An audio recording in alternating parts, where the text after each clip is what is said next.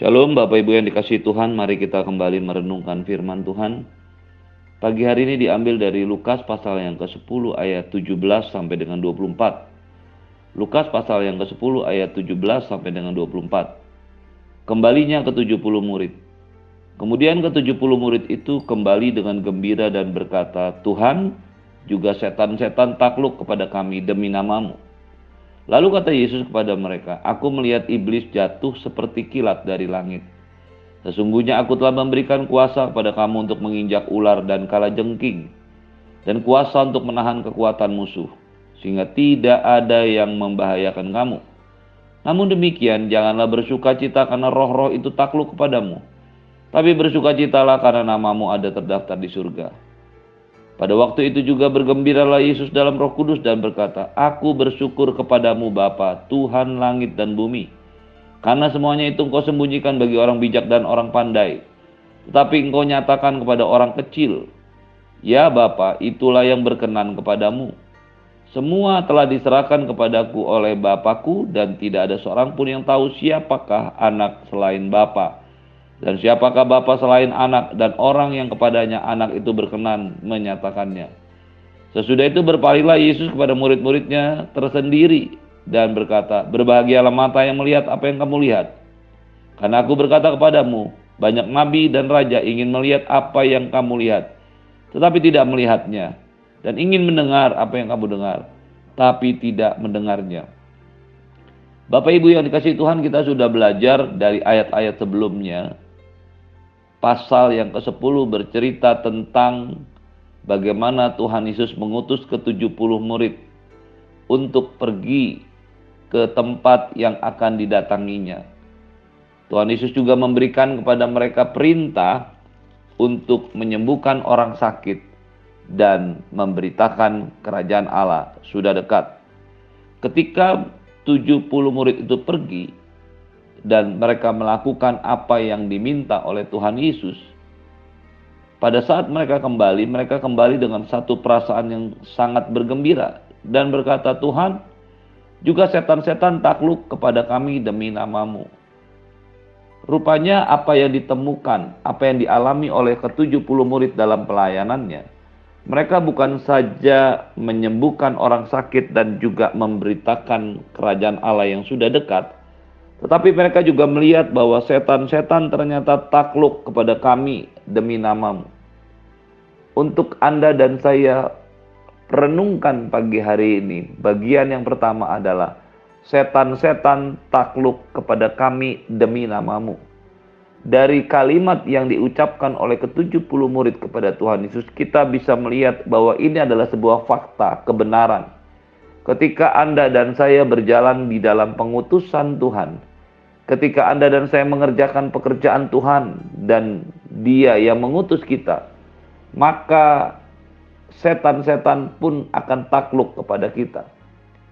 Anda dan saya membawa otoritas yang luar biasa. Sama seperti ketika Tuhan Yesus mengutus kedua belas muridnya dan memberikan kepada mereka tenaga dan kuasa.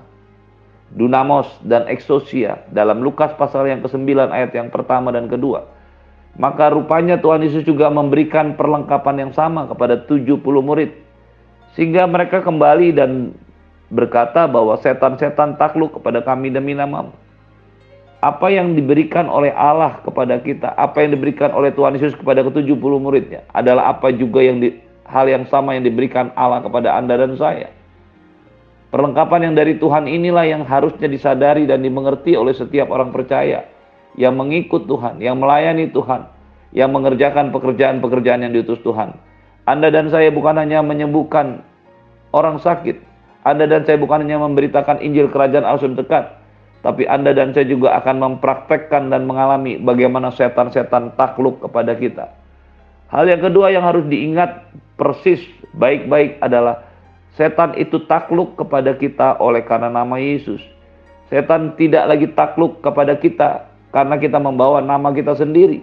Karena kita mengandalkan kekuatan kita, pikiran kita, kepandaian, kemampuan kita. Tapi setan-setan takluk kepada kita karena nama Yesus. Karena Anda dan saya memiliki Yesus dalam hidup kita. Karena Anda dan saya memiliki Yesus kehidupan ilahi yang ada dalam hati kita. maka Yesus yang sama itu juga nama Yesus yang Anda dan saya pakai, nama Yesus yang dipakai oleh ke-70 murid, itulah yang menaklukkan setan. Itulah yang mengalahkan setan. Itulah yang berada di atas setan. Setan tidak akan pernah mampu berhadapan dan menang terhadap kuasa dan nama Yesus. Itu sebabnya mengapa Anda dan saya harus selalu bergantung sepenuhnya dalam hidup ini. Juga dalam pelayanan kepada Tuhan. Itu sebabnya Anda dan saya harus membawa diri kita selalu dekat dengan Tuhan. Itu sebabnya mengapa Anda dan saya harus selalu intim setiap hari berdoa dan minta kepada Tuhan untuk selalu berjalan bersama-sama dengan kita dan kita bersama-sama dengan Dia. Karena pada saat Anda dan saya berjalan bersama-sama dengan Tuhan dan kita menggunakan kuasa nama Yesus, maka setan-setan juga akan takluk kepada kita.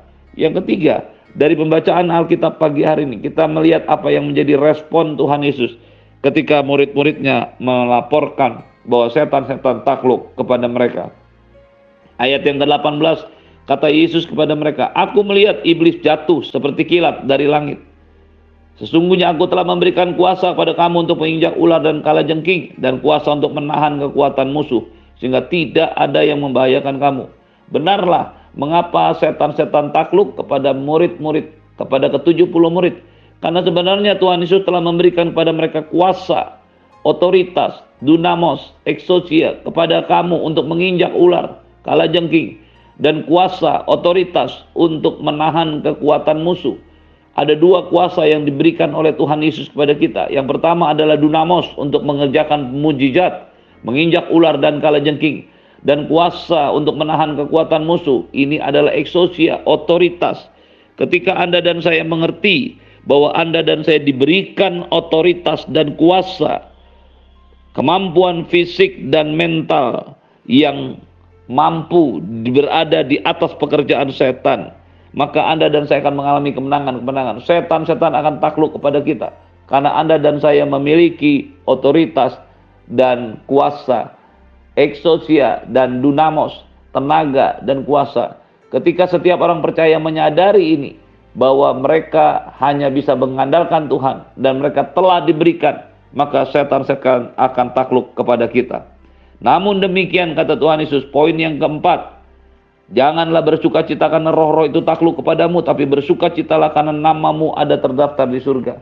Kemenangan kita terhadap setan, penaklukan setan terhadap kita yang melayani Tuhan, bukanlah hal yang bisa menjadi sebuah sukacita penuh. Kita boleh bergembira, kita boleh bersyukur karena setan-setan takluk kepada kita. Tapi lebih daripada itu, bersukacitalah karena nama kita terdaftar di surga. Apa yang dimaksudkan oleh Tuhan Yesus dengan pernyataannya ini? Tuhan Yesus ingin mendudukkan semua kembali pada tempatnya, sesuai dengan porsi otoritas ilahi. Ketika Anda dan saya melihat setan-setan takluk, kita mengerjakan pekerjaan pelayanan dalam bisnis, dalam pekerjaan, dan juga bahkan dalam pelayanan. Dan kita melihat bahwa setan-setan akan takluk ada satu yang menjadi dasar dari semua itu. Semua itu terjadi karena nama kita terdaftar di surga. Karena Anda dan saya adalah anak-anak Allah yang maha tinggi. Karena Anda dan saya memiliki kehidupan Yesus. Itulah yang menjadi dasar daripada sukacita kita. Yang dimaksudkan dengan Tuhan Yesus, bersukacitalah karena namamu terdaftar di surga. Allah, Tuhan Yesus ingin Anda dan saya memahami dengan betul, dengan tepat, bahwa otoritas kuasa yang diberikan Allah kepada kita itu berasal dari Dia, itu berasal dari Yesus. Yesuslah yang berkuasa atas setan-setan. Anda dan saya menggunakan kuasa dalam namanya dan otoritas yang ada dalam hidupnya yang ditaruh dalam hidup kita. Ketika kita bersuka cita karena nama kita terdaftar di surga, sebenarnya itu mengembalikan segala kemuliaan hanya kembali kepada Tuhan. Hal yang menyedihkan sering kali ketika kita memulai satu pekerjaan, pelayanan, bisnis, ataupun profesi kita. Kita bergantung sepenuhnya kepada Tuhan, tetapi dalam perjalanan selanjutnya ketika keadaan sudah mulai membaik, pelayanan sudah mulai membesar, bisnis makin membaik, pekerjaan karir kita makin meroket, kita melupakan bahwa semuanya itu berasal dari Tuhan. Kita mulai mengandalkan diri kita sendiri. Mungkin beberapa orang menjadi sombong, lupa bahwa sebenarnya semua yang terjadi karena diberikan oleh Tuhan semua yang terjadi, otoritas, kekuatan, kemampuan, itu berasal dari Tuhan. Itulah yang dimaksudkan oleh Tuhan Yesus ketika dia mengatakan, jangan bersuka cita karena peristiwanya, setan takluk kepadamu. tapi bersukacitalah karena engkau menyadari otoritas, kuasa, kemampuan yang Tuhan berikan kepada kita untuk mengatasi setiap persoalan dalam hidup ini, termasuk pekerjaan setan, itu berasal dari Bapa di surga. Ketika kita menyadari bahwa semuanya berasal dari Bapa di surga, kita akan selalu mendekatkan diri, selalu terhubung dengan Dia, dan membawa hidup kita, pikiran, perkataan, perasaan, dan perbuatan ada di dalam otoritas ilahi. Pagi hari ini kita melihat sebuah konsep yang benar dari kehidupan, baik dalam pekerjaan, bisnis maupun pelayanan. Ketika Anda dan saya menyadari posisi kita di hadapan Tuhan, ketika Anda dan saya menyadari Allah yang ada dalam hidup kita, maka tidak ada satupun yang bisa kita banggakan dalam hidup ini selain nama Tuhan, selain kuasa Tuhan, otoritas Tuhan yang diberikan kepada Anda dan saya. Kemudian pada waktu itu bergembiralah Yesus dalam roh kudus dan berkata, Aku bersyukur kepadamu Bapa Tuhan langit dan bumi, karena semuanya itu engkau sembunyikan bagi orang bijak dan orang pandai, tapi engkau nyatakan kepada orang kecil, Ya Bapa itulah yang berkenan kepadamu. Ketika melihat kebenaran ini, bahwa semuanya berasal dari Bapa, semuanya berasal dari Tuhan adanya, kemampuan, kehebatan, kelebihan, kuasa, otoritas semua berasal dari Tuhan dan bagaimana Tuhan yang menyatakan dirinya melalui manusia. Tuhan Yesus bergembira di dalam Roh Kudus dan berkata, "Aku bersyukur kepadamu Bapa, Tuhan langit dan bumi, karena semuanya Engkau sembunyikan bagi orang bijak dan orang pandai, tapi Engkau nyatakan kepada orang kecil." Kata orang kecil berasal dari bahasa Yunani nepios. Nepios yang diterjemahkan sebagai sebuah kata menunjukkan sifat bukan menunjukkan keadaan.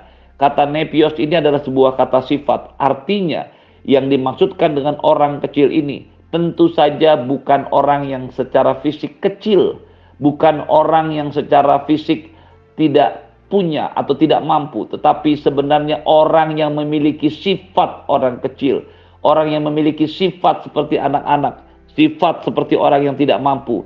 Mengapa ini diperlukan? Karena pada saat seorang merasa dirinya besar, seorang merasa dirinya mampu, seorang merasa dirinya paling benar, maka sebenarnya pada waktu itu dia tidak akan mampu melihat kebenaran kerajaan Allah. Ketika Tuhan Yesus berkata, engkau sembunyikan bagi orang pandai dan orang bijak, engkau sembunyikan bagi orang kecil. Orang pandai dan orang bijak adalah orang yang mengandalkan kebijakan dan kepandaiannya untuk memahami perkara-perkara ilahi tetapi nepios, orang kecil, adalah orang yang bersifat seperti anak kecil. Orang yang memiliki sikap hati yang terus mau belajar, terus mau mengerti firman Tuhan, terus mau merenungkan firman Tuhan, terus mau mencoba mempelajari apa yang Tuhan mau dalam hidupnya. Dan ketika sikap hati ini ada dalam diri kita, maka kita akan melihat perkara-perkara ajaib, perkara-perkara yang luar biasa, yang merupakan rahasia ilahi yang disingkapkan kepada kita. Semuanya telah diserahkan kepadaku oleh Bapakku, ayat 22. Dan tidak ada seorang pun yang tahu siapakah anak selain Bapa dan siapakah Bapa selain anak dan orang yang kepadanya anak itu berkenan menyatakannya. Ditegaskan lagi oleh Tuhan Yesus, tidak ada yang mengetahui anak yaitu Yesus selain Bapa dan tidak ada yang mengetahui Bapa itu siapa selain anak yaitu Yesus. Ketika Anda dan saya mencoba memahami siapakah Yesus yang sebenarnya dan bagaimanakah dalam hidup kita, Ketika Anda dan saya coba mengerti apa yang Bapa rencanakan kerjakan dalam hidup kita dan siapakah Dia yang mengasihi kita, maka Anda dan saya harus ada dalam posisi menjadi orang-orang yang berkenan Tuhan nyatakan rahasia ilahi. Bagaimana kebenaran-kebenaran peristiwa ini, pewahyuan ini muncul dalam diri kita. Anda dan saya harus belajar untuk bersikap seperti Nepios, bersikap seperti seorang anak kecil. Sehingga kemuliaan Allah rahasia-rahasia Allah, pewahyuan-pewahyuan Allah tentang Tuhan, tentang Bapa, tentang anak itu dinyatakan buat hidup Anda dan saya. Saya sudah mengatakan demikian Yesus berpaling kepada murid-muridnya secara tersendiri, yaitu yang dimaksudkan adalah 12 murid dan berkata, "Berbahagialah mata yang melihat apa yang kamu lihat, karena aku berkata kepadamu, banyak nabi dan raja ingin melihat apa yang kamu lihat tetapi tidak melihatnya dan ingin mendengar apa yang kamu dengar tapi tidak mendengarnya." apa yang dikatakan Tuhan Yesus ketika dia mengajar murid-muridnya, baik yang ke-12 maupun yang ke-70, semuanya adalah sebuah kebahagiaan, sebuah berkat yang luar biasa. Ketika Anda dan saya mampu melihat perkara-perkara yang ajaib, Ketika Anda dan saya mampu memahami dan mendengar apa yang dilakukan oleh Tuhan Yesus dalam hidup kita, itu bukanlah pewahyuan yang mudah, tetapi adalah kasih karunia anugerah Allah sehingga Anda dan saya bisa memahami apa yang Tuhan lakukan dalam hidup kita. Ketika kita mampu mengenal Tuhan dengan benar, memahami siapakah Yesus dengan benar, siapakah Bapa dengan benar, maka itu adalah perkara-perkara ilahi yang dahsyat dan luar biasa. Pastikan untuk memiliki sikap hati seperti Nepios, seorang anak yang terus mau belajar, yang terus mau bersandar, yang terus mau mengandalkan Tuhan dalam hidup kita. Sehingga kekuatan kita bukan berasal dari kekuatan kita sendiri. Kemampuan kita berasal bukan berasal dari kemampuan kita sendiri, tapi semuanya berasal dari Tuhan yang memberikan kepada Anda dan saya. Terimalah berkat yang berlimpah dari Bapa di surga, cinta kasih dari Tuhan Yesus, penyertaan yang sempurna daripada Roh Kudus, menyertai hidupmu hari ini dan sampai selama-lamanya di dalam nama Tuhan Yesus. Semua yang percaya katakan amin. Shalom, selamat pagi, selamat beraktivitas. Tuhan Yesus memberkati. Shalom.